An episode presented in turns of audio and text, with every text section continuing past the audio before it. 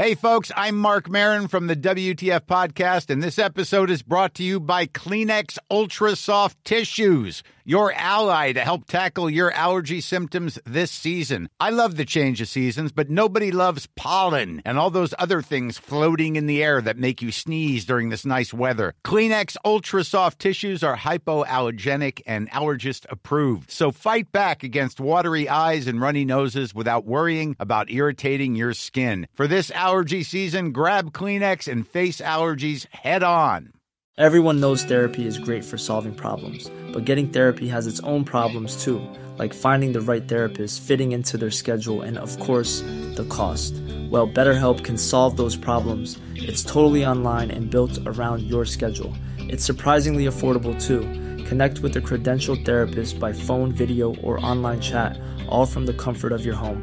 Visit betterhelp.com to learn more and save 10% on your first month. That's BetterHelp, H E L P. Hey, I'm Ryan Reynolds. Recently, I asked Mint Mobile's legal team if big wireless companies are allowed to raise prices due to inflation. They said yes. And then when I asked if raising prices technically violates those onerous two year contracts, they said, What the f are you talking about, you insane Hollywood ass? So to recap, we're cutting the price of Mint Unlimited from $30 a month to just $15 a month. Give it a try at mintmobile.com slash switch. $45 upfront for three months plus taxes and fees. Promo rate for new customers for limited time. Unlimited more than 40 gigabytes per month. Slows. Full terms at mintmobile.com.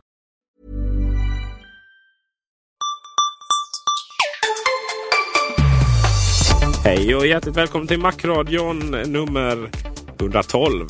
Och dit ska ni inte ringa i onödan kan jag säga. Med oss ikväll så har vi Gabriel Malmqvist och Fabian Ruben. Och eh, en extremt snuven Peter Esse. Snuvig heter det kanske. eh, mina herrar, betalar ni tv-licens? Ja, det, det gör jag i alla fall. Gabriel har ju ingen tv så att han betalar inte. Nej, inte ännu i varje fall. Men det verkar ju som Men, att jag eh, under pistolhot kommer att tvingas göra det på grund av att jag äger en dator mycket snart. Det återstår väl att se hur det blir, men ja. Och eh, då, innan vi drar igång den här diskussionen så kanske vi ska avslöja det faktum att eh, Gabriel Malmqvist han är lite av ett högerspöke när det kommer till sådana här statliga saker. Eh, så ta allt han säger ikväll med en nypa salt. Fast då har jag inte ens frågat. Hur känns detta? Ja du.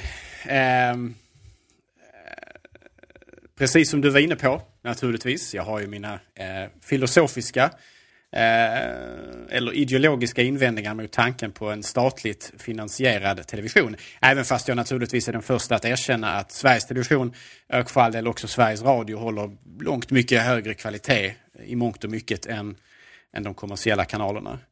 Eh, men det har ju varit en problematik här kring eh, frågan kring finansiering av de här kanalerna. Om vi nu accepterar liksom då att de ska finnas och finansieras eh, offentligt så är det naturligtvis en fråga om hur detta nu ska göras. Och, eh, som det har varit historiskt sett så har det ju alltid handlat om att man har eh, lagt en avgift på människor. En avgift som inte varit frivillig nödvändigtvis men som åtminstone varit ganska lätt att komma kring även för de som faktiskt eh, skulle täckas in utav kraven på den här avgiften. Är det du insinuerar? Att folk fuskar med tv-licenser? Skulle aldrig falla mig in. Skulle aldrig falla mig in. Men eh, det har säkert hänt någon gång i världshistorien. Ehm, samtidigt så är det ju naturligtvis också en fråga om, är detta det kanske effektivaste sättet, om man nu ska driva in pengarna liksom, från människor, är det då det effektivaste sättet att göra det via ett system där man har kontroller eh, och ett, eh, en, en, en, en, där man hela tiden måste hålla koll på människor. Eh, vad de äger och inte äger och sådana saker. Eller om det helt enkelt då bara ska, som vissa menar, läggas eh, på skatten. Ja, alltså jag förstår ju att, att fusket inte får bli för stort. Då, då rasar liksom hela, hela systemet. Eh, det är ju ofta så med, med system som liksom solidariskt måste underhållas eh, ekonomiskt. Att eh, om, om svinnet och fusket blir för stort då börjar liksom det accelerera. Allt fler ser att ah, man kan fuska och sen så fuskar ännu fler. Så jag förstår att man vill göra någonting med det.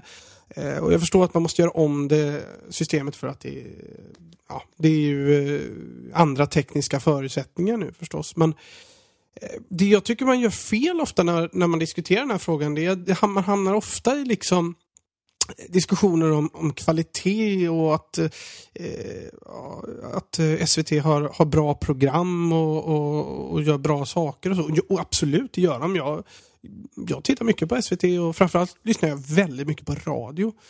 Eh, vilket ju också tv-licensen går till, det ska man inte glömma. Eh, men jag tycker att det här sättet att ta ut licenspengar på datorer och iPad som egentligen skulle ju egentligen mobiltelefonen hamna där också men av någon märklig anledning så har det hamnat utanför.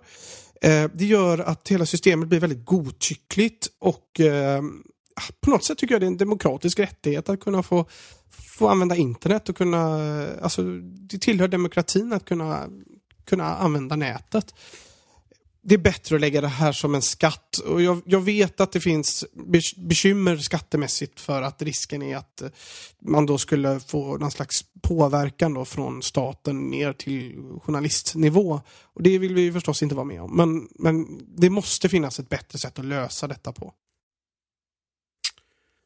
Eh, du som är vis där Gabriel, eh, varför ska vi inte bara ta det på skatten?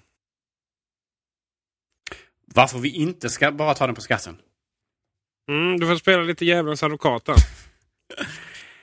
Ja, alltså det är ju, det är ju egentligen det självklara då naturligtvis att, uh, att de som faktiskt inte då uh, så att säga är uh, användare utav de här funktionerna helt plötsligt tvingas finansiera dem. Men samtidigt så kan man ju säga det om mycket i samhället som är statligt finansierat. Jag menar, alla människor kanske inte eh, direkt använder vägar, även fast det gör förhoppningsvis de flesta på ett eller annat sätt. Eh, och det finns ju en hel del saker i samhället som kanske finansieras kollektivt men som inte utnyttjas av alla. Eh, så ur det perspektivet sett så är det ju inte ovanligt att man har den här sortens avgifter.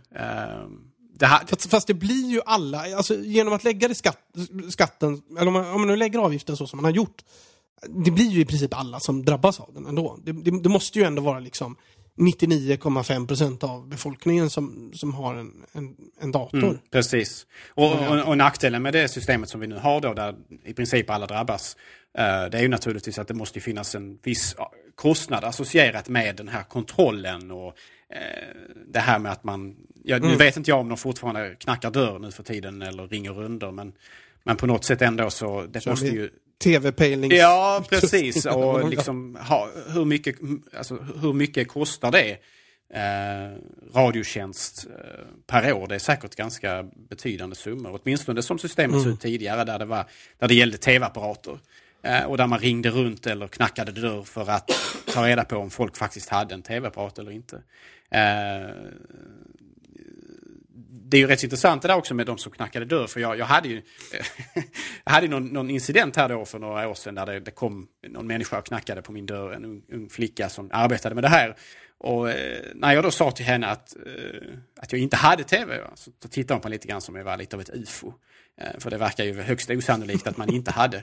Och då sa jag åt henne, liksom, du är välkommen in och, och inspektera. Du får gå in och titta att det inte finns någon tv om, om det ska vara så. Men, det, det ville hon naturligtvis inte av självklara uppenbara eh, orsaker. Hon, jag tror till och med dessutom Ja, det är du som öppnade dörren så.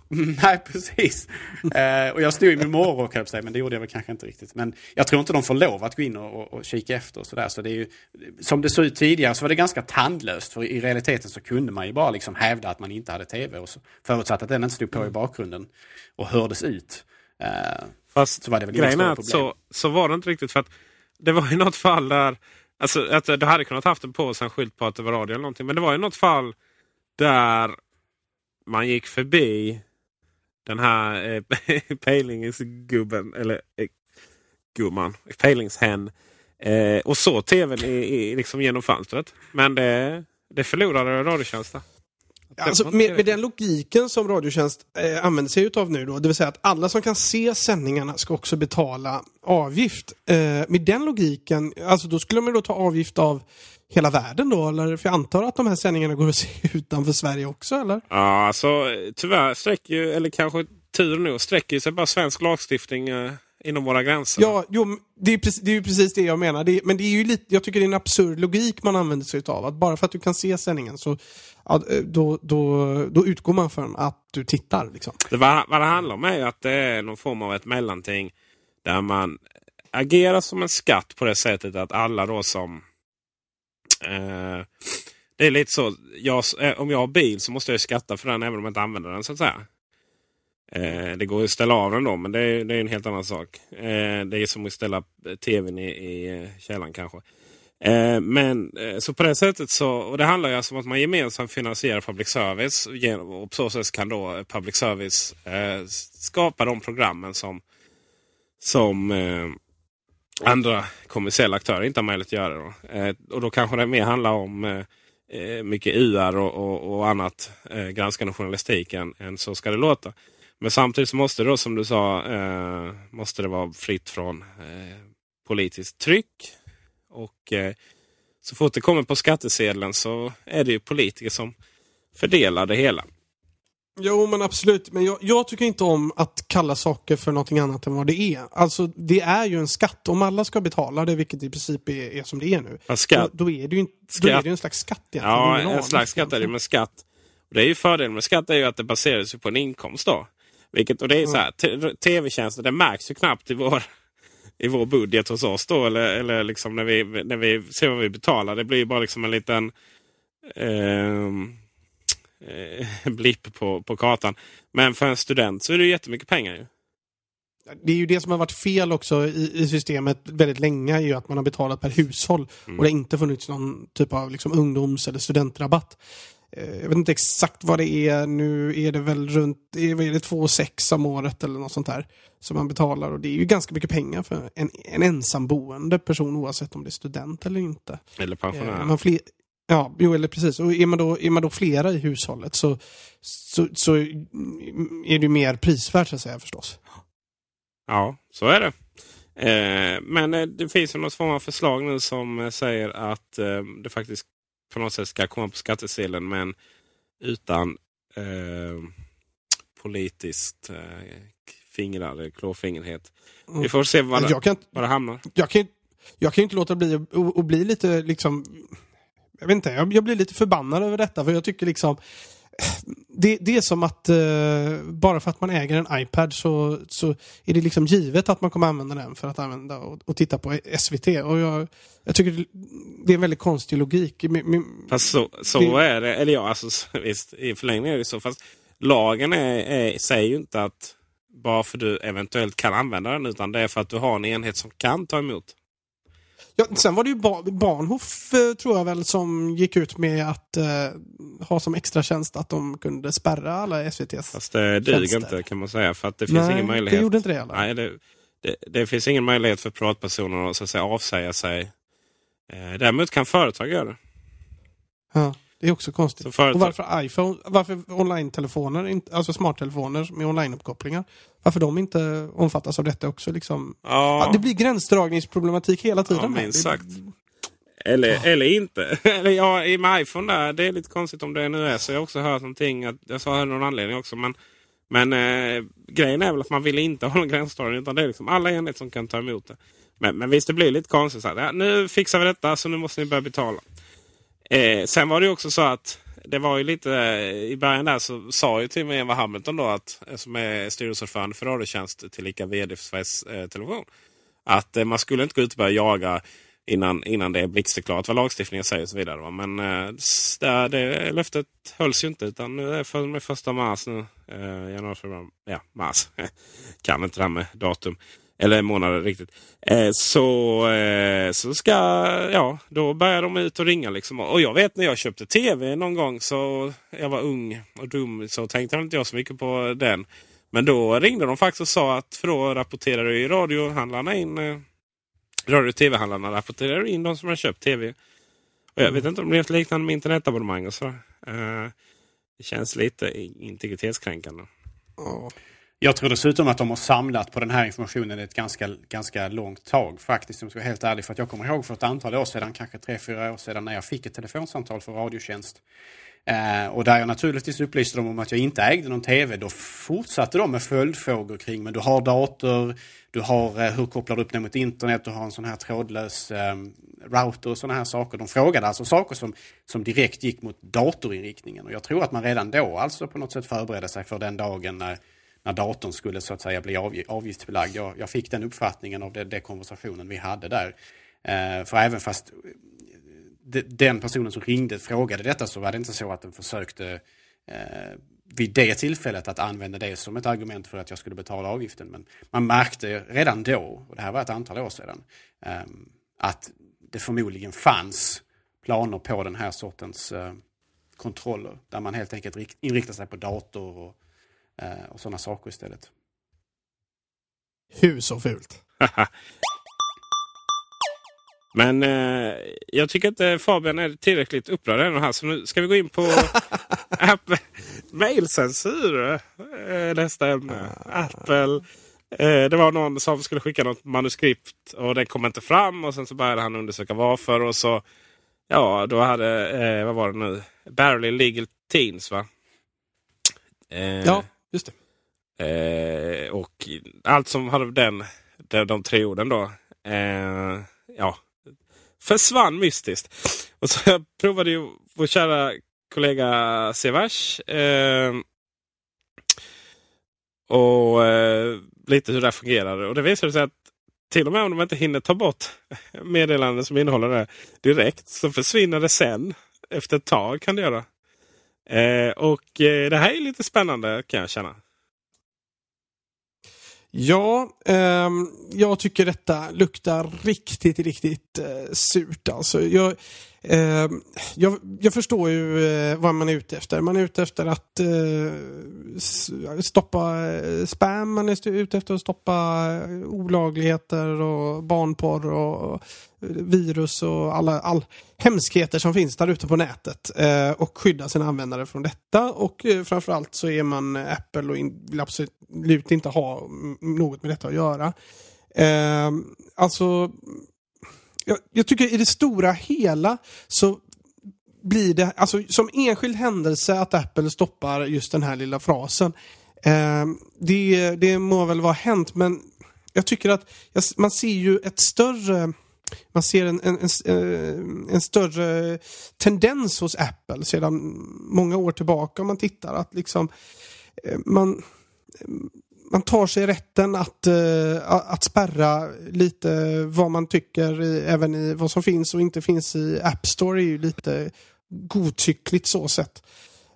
Jag gillar det inte. Nej, jag kände väl att eh, när jag först läste det, att det här är lite mysk och det är säkert något spamskydd som har gått eh, gått eh, och, och blivit övernitiskt och lite felinställt och så vidare. Men, men eh, och jag tänkte trodde väl att Apple skulle göra någon form av uttalande sådär. Men eh, det har det nog inte blivit. Så att, men jag tror fortfarande på spamskyddsteorin. Att det här är någonting som den har lärt upp sig. Att det här är något som verkligen skickas ut i tid och otid. Mm. Och, och sådär. Men jag vet inte. Gabriel, har du något klokt att säga?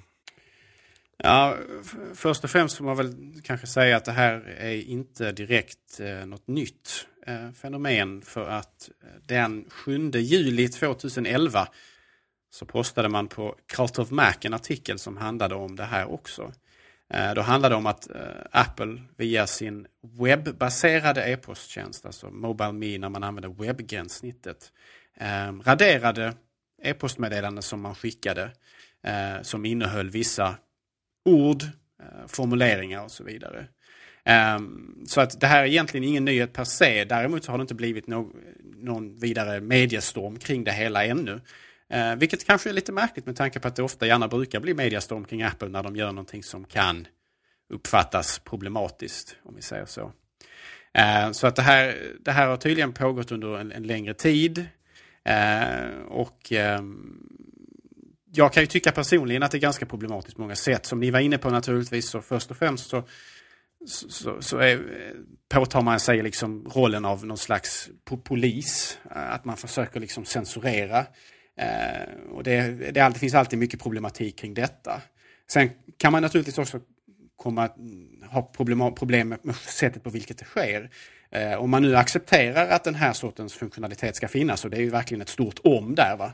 Eh, så, så gör man det på ett ganska märkligt sätt för att åtminstone som det skildrades eh, i den här artikeln då, och jag misstänker att det är så fortfarande än idag, så är det inte så att man meddelar den som har skickat mejlet om att du, vi kommer inte skicka ditt mejl för att det innehåller innehåll som vi anser vara stötande eller som vi anser vara problematiskt på ett eller annat sätt. Utan, utan vad som sker är att mejlet uppfattas som att den har gått iväg. Alltså den, den, den, säger ingenting om att den inte har gått iväg.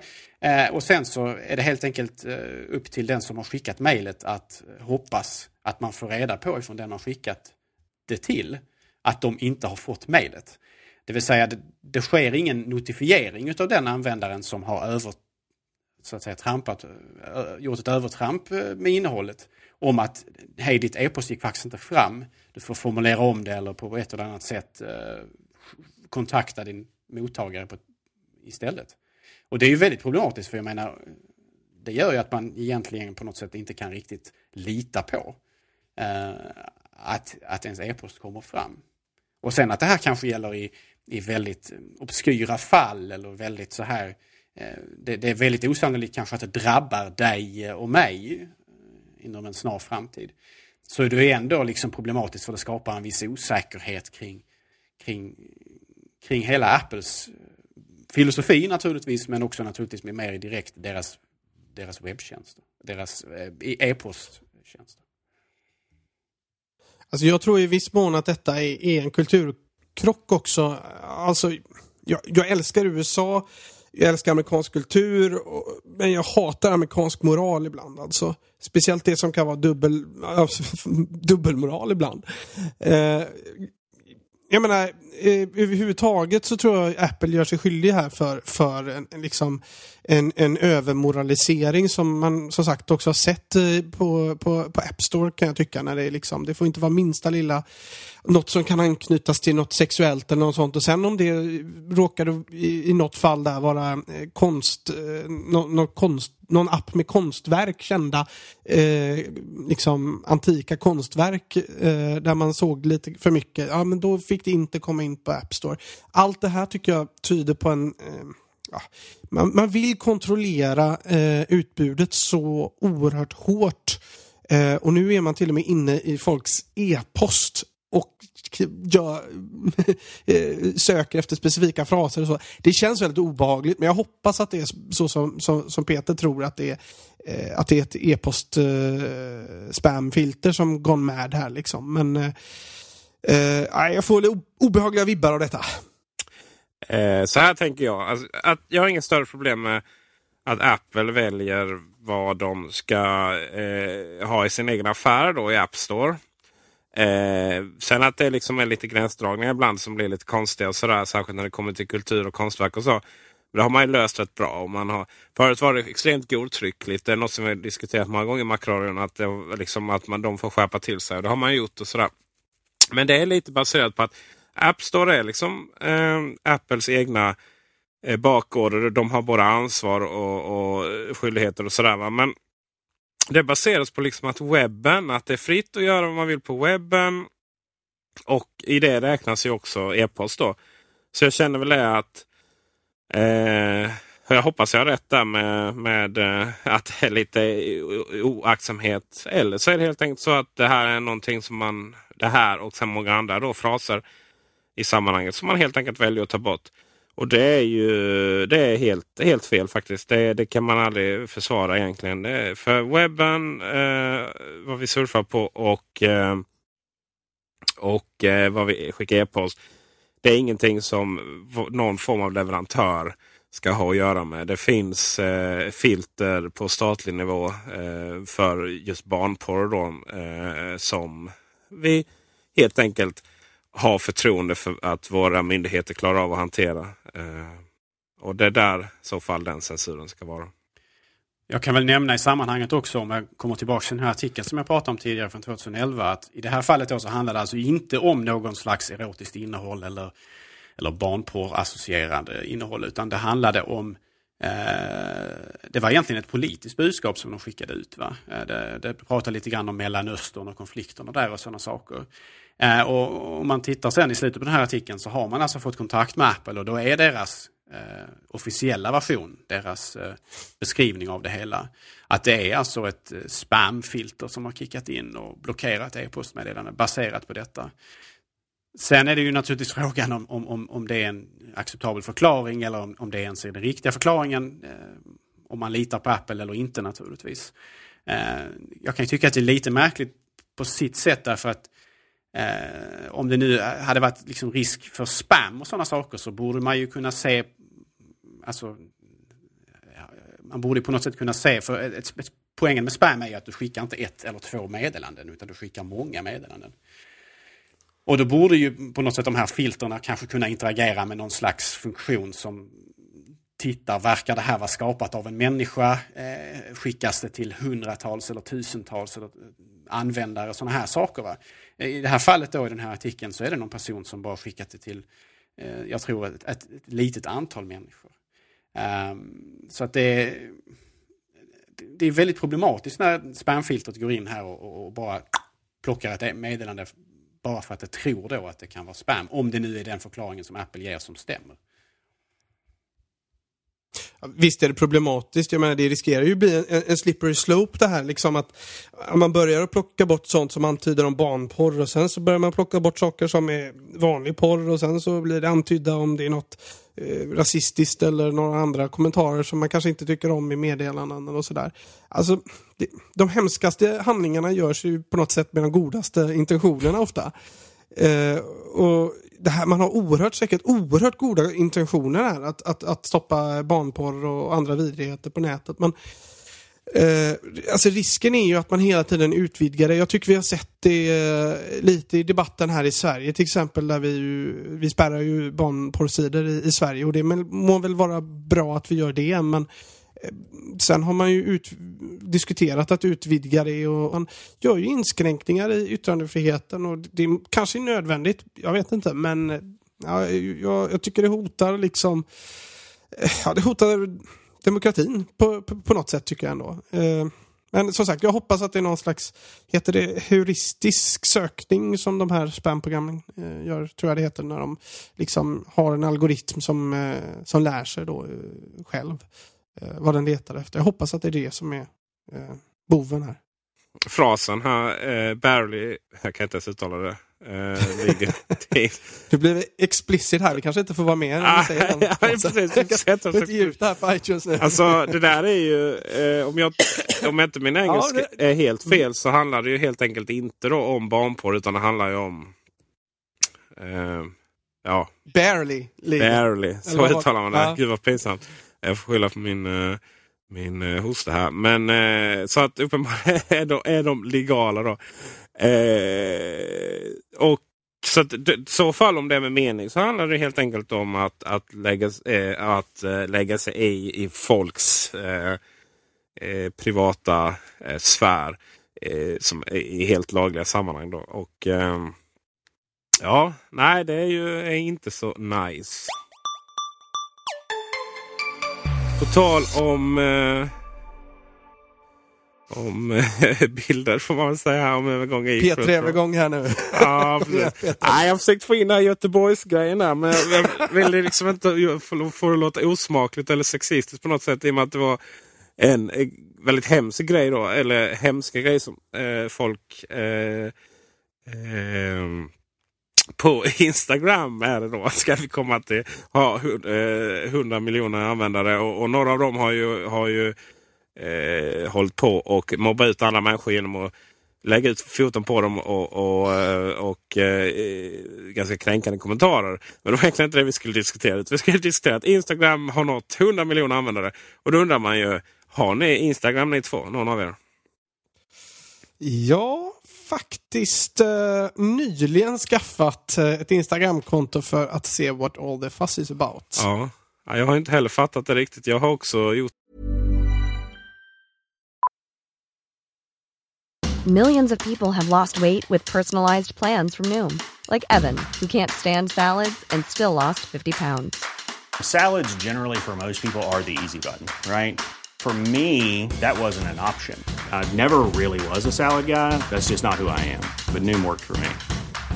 Get your personalized plan today at Noom.com. Real Noom user compensated to provide their story. In four weeks, the typical Noom user can expect to lose one to two pounds per week. Individual results may vary. Hey, I'm Ryan Reynolds. At Mint Mobile, we like to do the opposite of what Big Wireless does. They charge you a lot, we charge you a little. So naturally, when they announced they'd be raising their prices due to inflation, we decided to deflate our prices due to not hating you.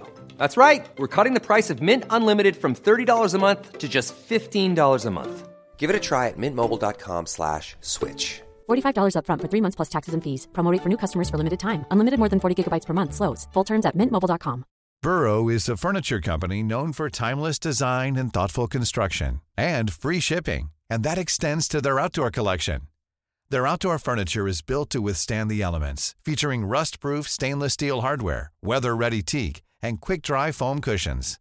For Memorial Day, get 15% off your Burrow purchase at burrow.com slash ACAST and up to 25% off outdoor. That's up to 25% off outdoor furniture at burrow.com slash ACAST. Everyone knows therapy is great for solving problems, but getting therapy has its own problems too, like finding the right therapist, fitting into their schedule, and of course, the cost. Well, BetterHelp can solve those problems. It's totally online and built around your schedule. It's surprisingly affordable too. Connect with a credentialed therapist by phone, video, or online chat, all from the comfort of your home. Visit betterhelp.com to learn more and save 10% on your first month. That's BetterHelp H E L P. Since 2013, Bombas has donated over 100 million socks, underwear, and t shirts to those facing homelessness. If we counted those on air, this ad would last over 1,157 days. But if we counted the time it takes to make a donation possible, it would take just a few clicks. Because every time you make a purchase, Bombas donates an item to someone who needs it. Go to bombas.com slash ACAST and use code ACAST for 20% off your first purchase. That's bombas.com slash ACAST, code ACAST. Eh, Det var någon Coop-tävling som jag inte vann. Det var typ 50% chans att vinna och jag vann inte såklart. Eh, Gabriel, du är ju alltid sen på sådana saker. Ja, jag kan meddela då eh, med viss... eh, ja, att jag inte är en av dessa 100 miljoner användare på Instagram. Nej. Men så å andra sidan så twittrar jag inte heller. Så att jag är ju, precis som du säger, en ganska så eh, knökkonservativ person vad gäller vissa saker. För oftast då beteendemönster och sådär. Så att, eh, ja, tyvärr inte. Inte ännu. Kan inte du skapa ett Twitterkonto där det heter Macradion Gabriel? Du kommer få 10 000 följare direkt. Visst. Eh, jag har ju... Det är lite så här. Jag har använt Facebook för att lägga ut massa söta bilder på min son eh, och mat. Så jag har inte riktigt, jag har faktiskt inte riktigt förstått Instagram. Vi är för gamla. Ja, men hur fick, hur liksom det fick momentum? Vad var det som gjorde att det var så jävla unikt? Liksom? Jag, jag tror att det, det magiska med appen är väl att den liksom skickar upp bilder. Du tar en bild eh, och, och sen så liksom skickas det upp direkt. Liksom. Det, det hamnar direkt. Var det inte massa, Eh. inte massa filter och sånt också? Jo, absolut. Och det är ju den andra delen tror jag av det. är ju liksom den här retro... Det är ju en allmän retrotrend vi, vi lever i nu och har levt i, i drygt tio år. Liksom. Att vi, vi lever i alla tidsepoker samtidigt på något märkligt vis. Eh, och detta är liksom ett uttryck eh, för, för det. Att man lägger på filter så att det ser ut som en gammal, eh, gammal eh, vad heter de där gamla kamerorna? Jag vet inte vad de skulle heta. Ja, Millimeter. gammalt i alla fall. Eh, det där är lite som att köpa Stockholmsserien på Ikea. Varför man vill ha ett 50-talshem. Ja, det, det är lite märkligt också för här lägger människor jättemycket pengar på att köpa jättefina kameror som tar jättefina bilder och sen så lägger man på ett filter som gör att bilden ser 20 år gammal och får- från en mycket sämre, Mm. från en mycket sämre digital, eller teknik, teknisk era. Det är ganska märkligt egentligen när man tänker efter. För många gånger för- förstör man ju bilder eller åtminstone gör dem sämre med hjälp av sådana här filter. Mm. Eh, Men det är väl ett sätt Dagens att... på något ungdom sätt- säger jag. Ja, men det är väl, det är väl på något sätt ändå en, en, ett, ett sätt att ge bilder charm. Att man menar kanske att det finns någon slags själlöshet över de här moderna kamerorna som fångar bilderna som de faktiskt ser ut. Fast det är mest, Istället det är för mest iPhone. eh, Och, och kanske, jag tror det har att göra med att den var så kass i början. Så att man var tvungen att lägga filter på för att det inte skulle se dåligt ut. Delvis, delvis är det säkert så, men jag, jag tror att man kan se, alltså samma tendens finns ju även i, i, i studio och musikvärlden. Här har man ju liksom eh, eh, sett att utvecklingen inom musik och studioutrustning har, har liksom tagit något så vansinnigt momentum. Vi kan göra ljudinspelningar idag som är så otroligt klockrena och exakta utifrån eh, hur verkligheten låter. Och, och ändå när vi pluppar in det i våra musikprogram så, så, så, så tycker vi inte att det, det låter tillräckligt bra. Så vi lägger på tusen olika filter och vi distar och vi lägger på effekter som gör att eh, det ska låta som gamla mickar och så vidare. Och det finns ju fortfarande folk som spelar in med jättegamla mickar. Så att, jag, jag menar, det, det, detta är ju en, en, eh, eh en allmän trend. Att när man kan liksom få det där perfekta, då inser man att det är inte det vi vill ha. Nej, ja, men det är lite sådär. Så är fasen överallt. Det jag avskyr det. Minecraft till exempel. Får man inte att... Jag ber om ursäkt till alla lyssnare nu men. Vi har världens mest avancerade spelkonsoler och jätteroliga spel och episka äventyr. Och så håller ni på att spela lågupplöst digital lego. Vad handlar det om? Ja, men det, är, precis, det, är, det, är, det är en del av samma, samma mynt. Alltså. Jag, jag, jag, tror att, eh, jag tror att vår generation som vi tillhör, liksom, vi är så fascinerade av musik, av, av tekniken att vi kan liksom få kan få det att låta sådär perfekt och få det att låta eh, oerhört bra eller se bra ut och verklighetstroget och så. Men, men nä, nästa generation, de har gått steget förbi det. De är post... Eh, vad ska vi säga? Eh, de, det här att det ska vara så realist, realistiskt som möjligt. De är liksom postrealister på det sättet. Vet du vad, De- de vet är vad som skrämmer mig? Det är min egen, jag är ju en oerhört klok människa och har självinsikt som, som, som få. Och, och Gabriel har det här i, Gabriel skriver det här i chatten bara postperfekt skriver han. Det, det är bra. Det är bra. Ja. Ah, här, här var jag mitt uppe i, i sån här förklarad modell varför det jag kommer att säga nu är tragiskt. Och, men innebär stor självinsikt. Så här va. Det finns en generation över oss och de är jättegamla de människorna. Det är typ våra föräldrar. Eh, och inte just våra föräldrar kanske men eh, Många andra var ju så här vaktmästare på eh, skolor och sen så blev de eh, och sen helt plötsligt kom det lite data in då. Va? Så blev de så här IT-chefer och, och, eh, och, och IT-enhetsansvariga och mycket IT och så vidare. Va? Och det var ju PC för hela slanten. Och det är ju de som hatar makt då. Och eh, är- är så här allmänt anti och, och förstår typ ingenting varför det, ja, det var bättre förr. Och, och alltså de var med om en revolution då. Eller en förändring kan man säga. Ja, jo, revolution faktiskt när allting digitaliserades. Och, och de är ju väldigt trygga i det. De förstår ju liksom inte vad allting nytt handlar om. Sådär, va? Typ att, att det ska vara i skolorna ska det vara typ pedagogerna som bestämmer över IT, hur det används. Det är ju helt barockt. Liksom. Det är de som kan det där. och, eh, och liksom, ja, vi ska inte ens ta upp eh, hur det är inom, in, inom eh, din bransch där Fabian. Inom läkar... Eh, Don't, don't, don't go there. Don't mention the war. eh, och, ja, och, och sen då sen så kommer ju, så kommer ju vi att förstöra allting för dem. Va? Vet ni vad det hemska är nu? Nu är vi den generationen som ser allting förändras. Vi är där med våra mackar och, och vi, visst, vi tycker de är jättesmå och fina och härliga och, och så. Va? Men vi förstår absolut inte varför allt ska till iPad och folk ska sitta och typ Photoshop i mobilen och sådär. Va, vad handlar det om? Allting blir sämre liksom. Nej, vet ni vad mina herrar? Vi borde lägga om med detta här och nu. För vi är som våra föräldrar. It was bound to happen. Ja, vi förstår ingenting. Ja, jag skrev just eh, härom, eh, förra veckan här så skrev jag en av mina större tentor och förhoppningsvis den sista tentan någonsin. Eh, den skrev jag på en dator för första gången. En tenta på en dator. Oj, oj, oj. Och jag var fett mot, kan jag säga. Tyckte inte alls om denna tanke att ändra, ändra liksom ett vinnande koncept sedan tidigare. Och eh, nej, det, det gillade jag inte. Jag Men jag kan. förstår att det är praktiskt för de som Jag, rättar. jag kan ju inte skriva för Alltså grejen är att jag är, är ju lite eh, eh, större huvudet. För att jag, eh, jag kan alltså inte skriva för hand. Jag får typ kramp och sådär. Och det är ingen som kan läsa vad jag skriver. Jag kan inte ens läsa vad jag själv skriver. Så att när jag, när jag hade så här salstentor så det var jättejobbigt. Och, och stackars de som skulle rätta dem. Jag vet i gymnasiet så fick jag typ VG för att på det här provet, engelska provet, så de kunde inte läsa det ena och det var ju där jag misslyckades. Så att de, de tog bara de andra proven och så fick jag, som var bra på, och så fick jag VG. Jättebra.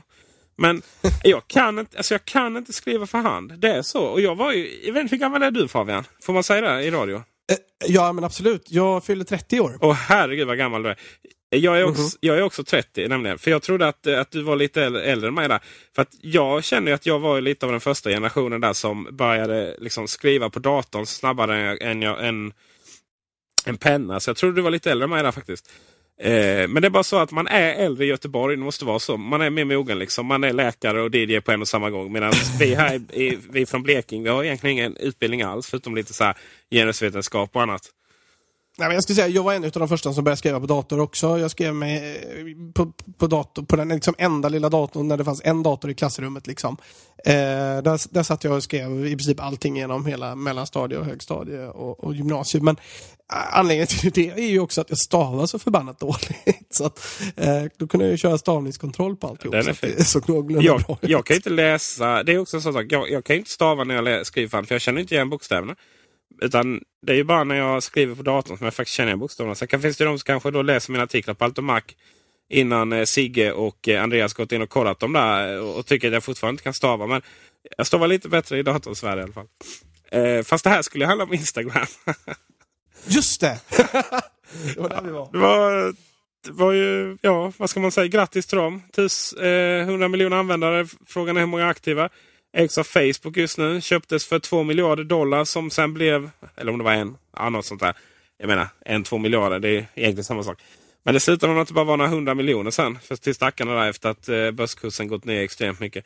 Men snacka om intressant fenomen. Börja från ingenstans och sen liksom upp i miljardföretag på bara, bara något år.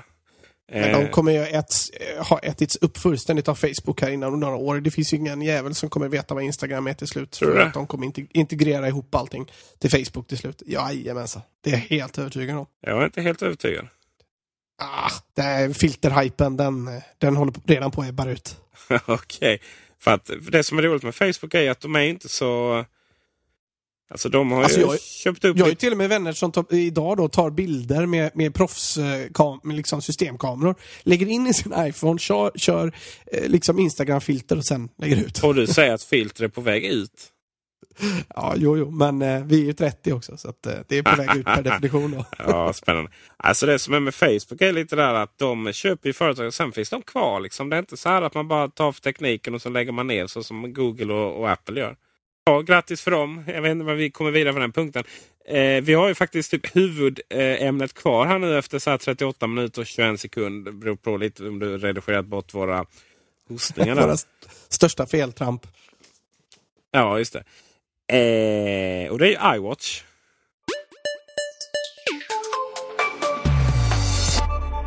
Eh, nu har du fått vara tyst här Herman Kvist länge. Tror du på en armbandsklocka från Apple?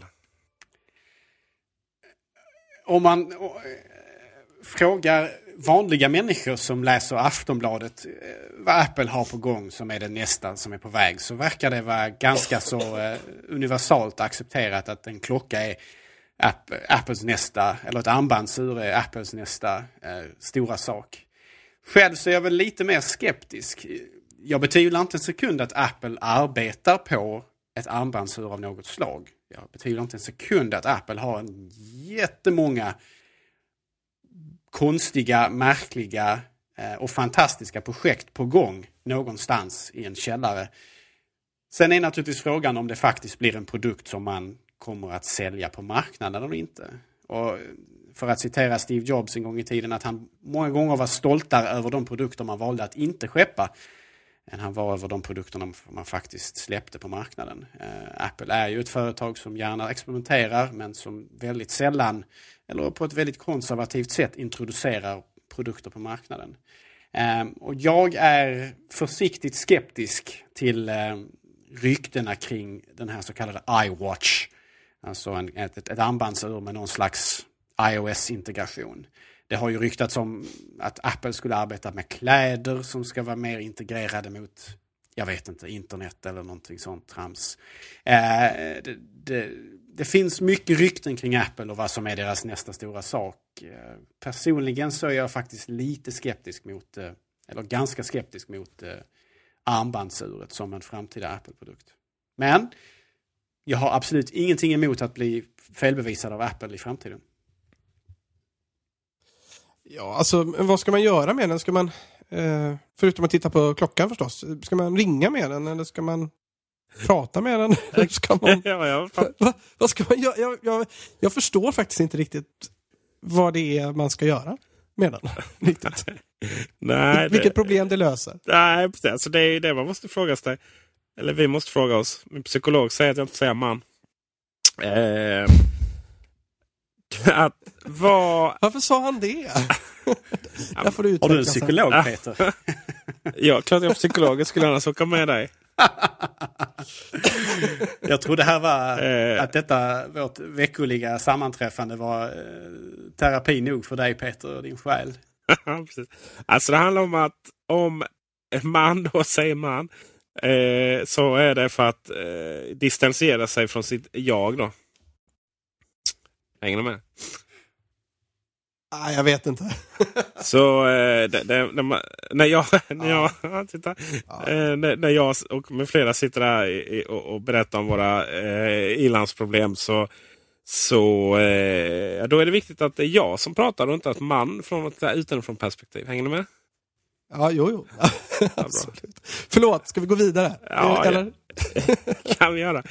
Jag förstår inte vad man ska ha eh, klockan till heller. För att, jag menar, iPhone, iPhonen ersatte ju klockan. Det var alltså, klockan i princip död då, förutom som någon form av lyxprodukt. Eller för gamla människor då. Äldre än oss. Typ 31 får får man vara då.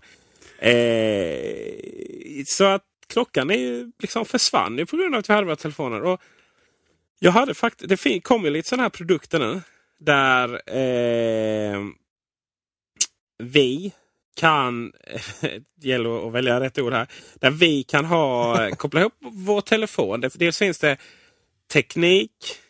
Eh, teknikföretag som då gör klockor som ska kopplas ihop till iPhone och, och Android-telefoner. Och sen finns det då klockföretag som också gör det, så man kommer från båda hållen. Eh, och jag provade en sån här faktiskt. Jag hoppas inte vår eh, inköpare på Kullander hör detta, för han gillar den. Eh, men jag provade den och den var ju ganska så kass faktiskt. Eh, vad den gjorde var att just den, att den eh, Eh, Fabian försöker påkalla uppmärksamheten här genom att spamma chatten. Så att det var därför jag blev lite okoncentrerad. Förlåt. den visade om någon ringde. Men inte vem som ringde då. Givetvis. Eh, det kanske var, skulle vara en feature på en eh, iWatch då. Att visa vem som ringer. Eh, om jag har ett missat samtal. Om, eh, inte om jag fick sms. För det funkade inte. Eh, det kunde jag inte komma åt. Utan det, var, det, det stöddes inte i, i iOS. Och sen var, men däremot om jag hade en, en, en påminnelse då, eller en kalenderhändelse. Då visade det. Men liksom inte vad det var. Sen däremot som jag... Eh, om jag gick ifrån iPhonen. Då kunde den varna. Och någonting till. Alltså det var ungefär det den kunde göra. Just det, jag kunde, ta, jag kunde, jag kunde eh, checka in på Facebook. Men jag kunde inte välja vad jag skulle checka in. Utan då tog den närmsta där man tyckte det var passade. Då. Eh, och det var ju, ju ofta helt fel in i stan. Så att, och det där kändes bara som att, jaha men varför? Enda, enda bra grejen med den i så fall skulle ju vara att att eh, jag kunde, om jag ligger i källaren då typ och, och det ringer, för jag brukar lägga telefonen när jag kommer in i hallen bara. Så, så jaha, nu ringer det, okej. Fast då vill jag ju verkligen veta vem som ringer. Och det skulle ju kunna vara liksom en iWatch-funktionalitet. Men grejen är, en sån här sak kostar ju tusen spänn. Och det är liksom, ja visst hade det varit 295 kronor för att ha en sån manik. Visst, men inte flera tusenlappar. Det är, finns ju inte rimligt. Nu Fabian är det din tur. Ja, alltså vi pratar om den eh, yngre generationen förut. Eh, jag menar, vi har ju lärt den yngre generationen att klockor är helt onödiga eftersom det är ju inga ungdomar som har, som har klockor idag. Alla har ju mobiler. Det finns ingen som vet vad en väckarklocka är och, det- och det finns ingen som vet vad ett armbandsur är längre. Eh, klockan är död. Länge lever klockan. Och det finns ju ingen som håller tiden längre heller. Dagens Nej, ungdom. nej, men det... ja, men det har andra orsaker, dålig karaktär och så vidare. Men alltså, eh, jag, jag känner så här, ytterligare en sak att ladda. Så känner jag inför en iWatch just nu. Sen är inte varken jag eller många i min bekantskapskrets särskilt bra eh, kunder när det gäller klockor eftersom vi i, arbetar i vården och då får man inte ha på sig klockor på arbetet ändå. Så att eh, då blir det ytterligare en sak som man kommer lägga i någon ficka någonstans och sen kommer det åka iväg i en tvätt och sen så kommer man aldrig se den mer. Så jag, jag ser bara problem med en sån produkt.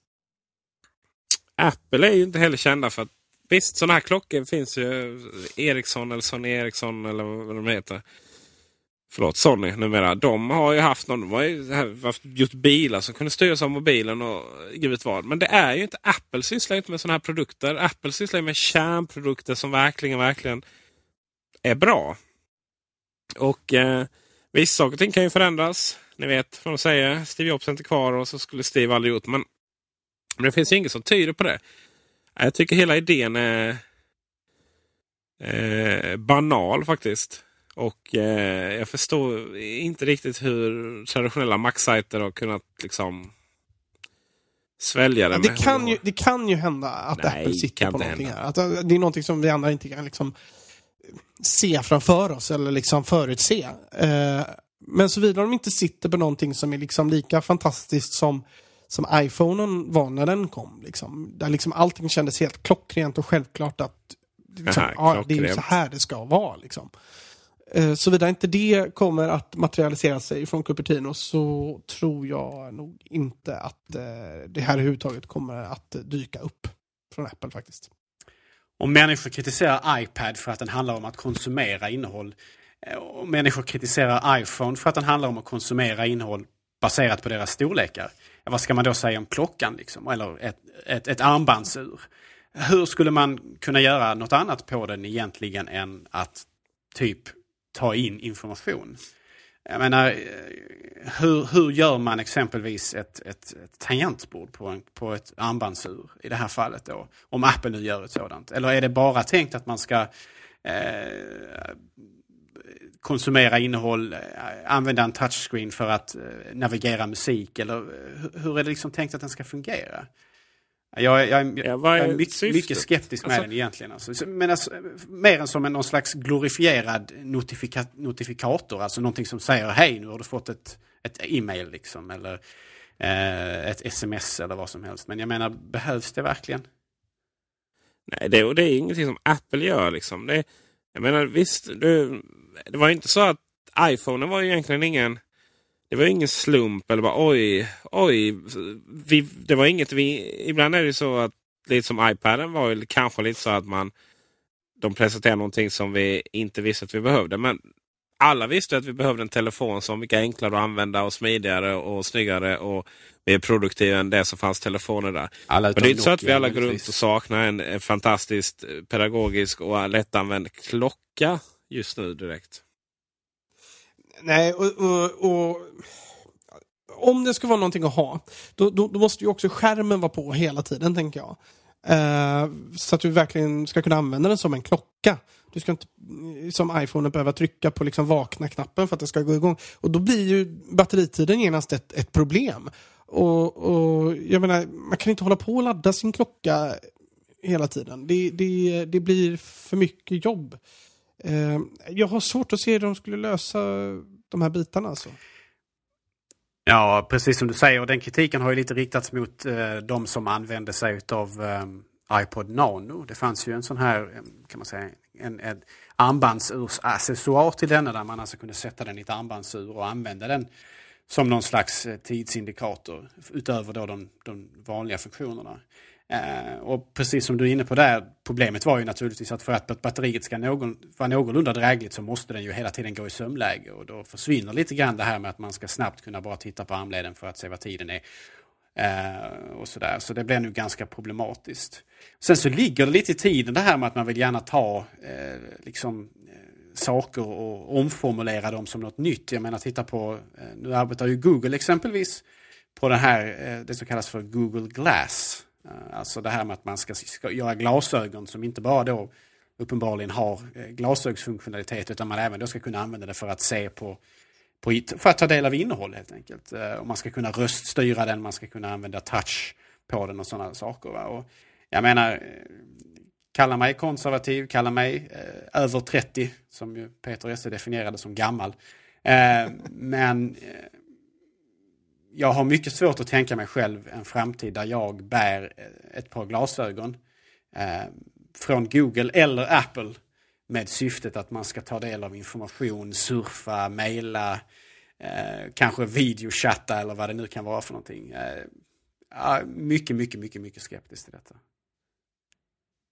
Alltså det, det, är intressant att du tar upp eh, Google Glass. Vi har också tänkt lite på det. Alltså det finns ju många kopplingspunkter mellan en iWatch och, och Google Glass på det sättet liksom att det är, eh, det är mer en, eh, en nörds våta dröm liksom än vad det egentligen är en användbar produkt så sett. Och, och jag, jag, tror precis som du säger att det ligger i tiden. Vi, vi är alla uppväxta liksom med, med, med, med science fiction-filmer och vi, vi har en, en, bild av hur vi vill att framtiden ska se ut. Men eh, problemet är, är ju att det är ju inte alltid som eh, science fiction-författarna tänkte på att sakerna som finns med där ska vara så praktiska och ska ha ett användningsområde och sådär. Ja, jag menar de här nya interaktionsteknikerna som har uppstått de senaste åren med, med, med, touch controls och med röststyrning så har man ju liksom fått mer möjlighet att, att klämma in teknik på, på, på ställen eller platser där den än tidigare inte kunnat vara. För att det har blivit möjligt att styra på ett ganska så okonventionellt sätt sin, sin teknik. Men jag, jag tror att man i många fall kommer att klämma in teknik på ställen där den kanske faktiskt inte egentligen hör hemma. Eh, och jag eh, är inte bara skeptisk till eh, att, att för Google Glass kommer säkert bli en produkt. Men jag är mycket tveksam, precis som jag misstänker ni är också då, att det faktiskt kommer bli en, en succéprodukt.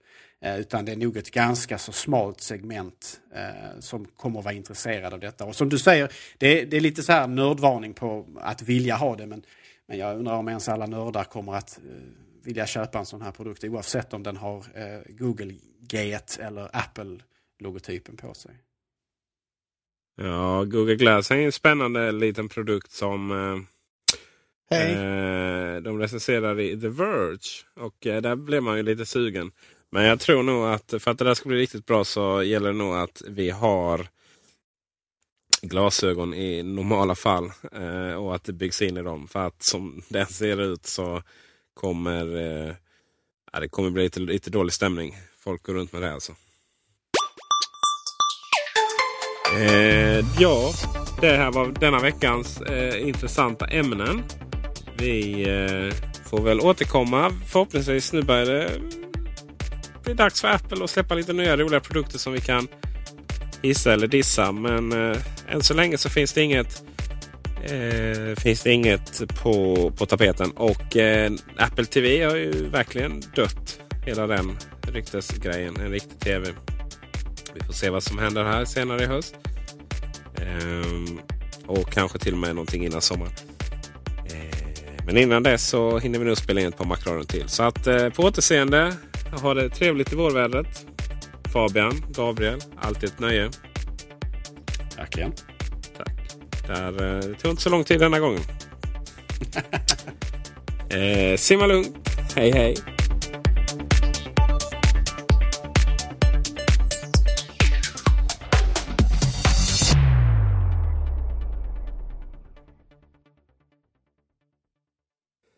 Och förresten Gabriel. Ja. Du glömde avslöja vem som uh, har tagit med surdegsburgare. Ja, vi får ta det i nästa avsnitt kanske. Det måste läggas in på ett sådant sätt så att den skyldige garanterat tar del av det. Jag tror vi ska lägga det i början av programmet. ja, ni känner till att jag, kanske, att jag behåller en del av de här. Ja, ja vi har eh, märkt detta. Detta är noterat Fabian. Ja. Faktum är att jag har noterat detta i min, i min lilla bok. Tillsammans med ditt namn och en beskrivning av dig som person. Ja, men det, är härligt. det är ingen bok jag bläddrar i ofta eller gärna, men när det väl sker så... inte ens gärna. Visste inte att du hade böcker? Jag trodde du skrev allt på datorn. Nej, jag är för låg. Gabriels lilla svarta, den vill man inte hamna i. Nej, jag är med på varenda sida kan jag säga. Ja, ja. Man ja. håller sina fiender nära. Just det. ja, det är bra. Det är bra. Det är bra.